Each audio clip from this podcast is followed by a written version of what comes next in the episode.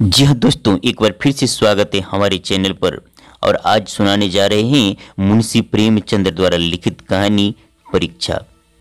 तो चलिए, अब आपको ले चलते हैं कहानी की तरफ़। नादिर शाह की सेना दिल्ली में कत्लेआम कर रखा है। गलियों में खून की नदियाँ बह रही है। चारों तरफ़ हाहाकार मचा हुआ है। बाज़ार बंद है। दिल्ली के लोग घरों के द्वार बंद किए जाने की खैर मना रहे हैं। किसी की जान सलामत नहीं है। कहीं घरों में आग लगी हुई है, कहीं बाज़ार लूट रहा है। कोई किसी की फरियाद नहीं सुनता। सुई की बेगमों महलों से निकाली जा रही है और उनकी बेहुरती की जाती है। ईरानी सिपाही की रक्त पिपासा किसी तरह नहीं बुझती। मानव हृदय की क्रूरता, कठोरता पैसा चिकता अपना विकराल रूप धारण किए हुए है। इसी समय नादिर शाह अपने बादशाह महल में प्रवेश किया। दिल्ली उन दिनों भोग विलास का केंद्र बनी हुई थी। सजावट और तकल्लुफों के सामान से रसोई के भवन भरे थे। स्त्रियों को बनाव श्रृंगार के सिवा कोई काम न था। पुरुषों को सुख भोग के सिवा और कोई चिंता न थी। राजनीति का स्थान शेर शैरी के लिए था।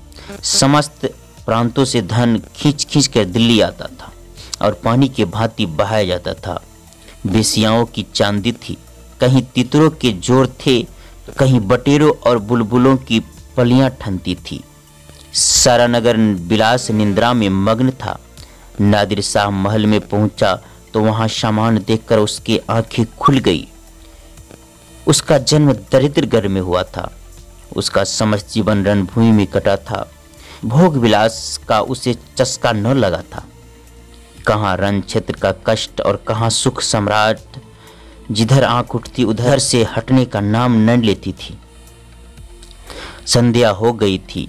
नादिर साहब ने सरदारों के साथ महल की सैर करता और अपनी पसंद की चीज़ों को बटोरता हुआ दीवाने खास में आकर के अर्चोबी मनशत पर बैठ गया। सरदारों को वहाँ से चले जाने का हुक्म दे दिया।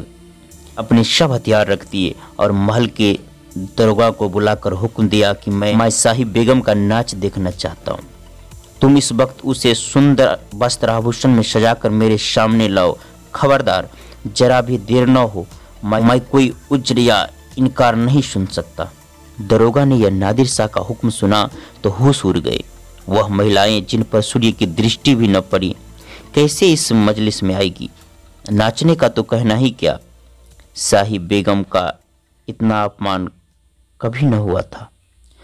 हाँ नरपिचास दिल्ली के खून में रंग कर भी तेरा चित्त शांत न हुआ। मगर नादिर शाह के सन्मुख एक शब्द भी जवान से निकालना अग्नि के मुख में कूदना था। सिर सिर झुकाकर आदाग लाया और आकर के रनिवास में सब बेगमों को नादिर शाह के हुक्म सुना दिया। उसके साथ ही यह भी इतलाती दी कि जरा भी तामुल न हो। ना, नादिर शाह कोई उज्र या हीना न सुनेगा। खानदानों पर इतनी बड़ी विपत्ति कभी न पड़ी। पर इस समय विजय बादशाह की आज्ञा को सिरोधार्य करने के सिवा प्राण रक्षा का अन्य कोई उपाय न था। बेगमों ने यह आज्ञा सुनी तो हतबुद्धि सी हो गई। सारे रनिवास में मातम छा गया। वह चहल पहल गायब हो गई। सैकड़ों हृदय में इस सहायता याचक लोचन से देखा। किसी ने खुदा और रसूल का सुमिरन किया, पर ऐसी एक महिला भी न थी, जिनकी निगाह कटार या तलवार की तरफ़ न गई हो। यद्यपि इनमें कितने ही बेगम की नसों में राजपुतानी रक्त प्रवाहित हो रहा था, पर इस इंद्रिया लिप्सा ने जौहर की पुरानी आग ठंडी कर दी थी। सुख भोग की लालसा आत्मसम्मान का सर्वनाश कर देती है। आपस में सलाह करके मर्यादा की रक्षा का कोई उपाय सोचने का मोहलत न थी। एक एक पल भाग्य का निर्णय कर रहा था।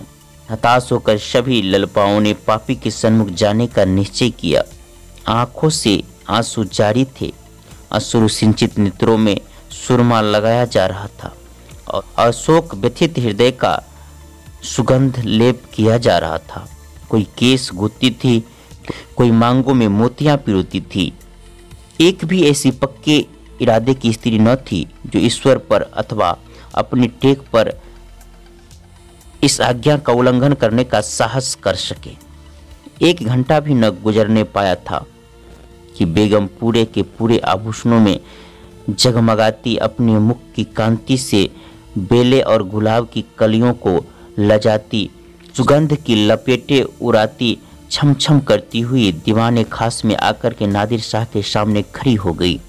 नादिर शाह ने एक बार कनखियों से परियों के इस दल को देखा और तब मसनद की टेक लगा करके लेट गया। अपने तलवार और कटार सामने रख दी। एक क्षण में उनकी आँखें झपकने लगी।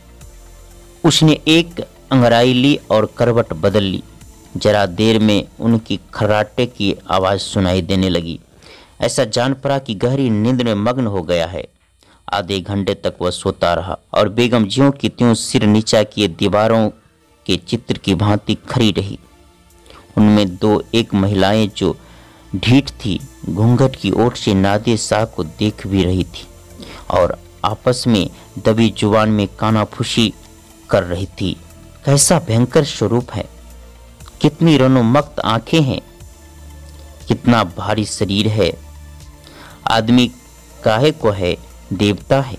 सहसा नादिर शाह की आँखें खुल गई। परियों का दल पूर्ववत खड़ा था। उसे जागते देखकर बेगमों ने सिर नीचे कर लिया और, और अंग समेटकर भेड़ों की भांति एक दूसरे से मिल गई। सबके दिल धड़क रहे थे कि अब यह जालिम नाचने गाने को कहेगा। तब कैसा होगा खुदा इस जालिम से समझे। मगर नाचा तो न जाएगा चाहे जान क्यों न जाए। इससे ज़्यादा जिल्लत अब न सही जाएगी।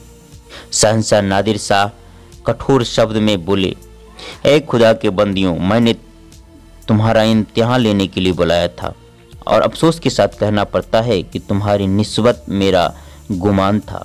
वह हर्फ व हर्फ सच निकला। जब किसी कौम की औरत में गैरत नहीं रहती तो वह कौम मुर्दा हो जाती है।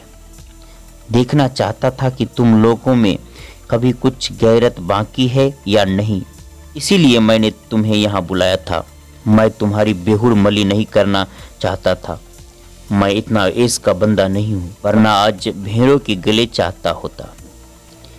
वरना आज फारस के फरोश और सितार के तानों सुनता होता, जिसका मज़ा मैं हिंदुस्तानी गाने में कहीं ज़्यादा उठा सकता हूँ। मुझे सिर्फ़ तुम्हारी इम्तिहान लेना था। मुझे यह देखकर सच्चा मलाल हो रहा है तुम में गैरत और जौहर बाकी न रहा। क्या यह मुमकिन न था कि तुम मेरे हुक्म को पैरों तले कुचल देती? जब तुम यहाँ आ गई तो मैं तुम्हें एक और मौका दिया। मैंने नींद का बहाना किया था। क्या यह मुमकिन न था कि तुम में से कोई खुदा की बंदी इस कटार को उठाकर मेरे जिगर को चुभा देती? मैं कलाम पाक की कसम खाकर कहता हूँ कि तुम में से किसी को कटार पर हाथ रखते देखकर मुझे बेहद खुशी होती। मैं उन नाजुक हाथों के सामने गर्दन झुका देता, पर अफसोस कि आज तैमूरी खानदान की एक बेटी भी यहाँ ऐसी नहीं निकली जो अपनी हुरमत बिगाड़ने पर हाथ उठाती। अब यह सल्तनत ज़िंदा नहीं रह सकती। इसका निशान बहुत जल्द दुनिया से मिट जाएगा। तुम लोग जाओ और हो सके तो अब भी सल्तनत को बचाओ, वरना इसी हवस की गुलामी करते हुए दुनिया से रुखसत हो जाओगी। तुम लोग जाओ और हो सके तो अभी सल्तनत को बचाओ, वरना इसी तरह हवस की गुलामी करते हुए दुनिया से रुखसत हो जाओगी। जी हाँ दोस्तों तो ये था मुंशी प्रेमचंद्र द्वारा लिखित कहानी परीक्षा। और आप लोगों ने ये पूरा सुना, इसके लिए धन्यवाद। और इसी तरह के और और भी कहानी सुनने के लिए इस चैनल को subscribe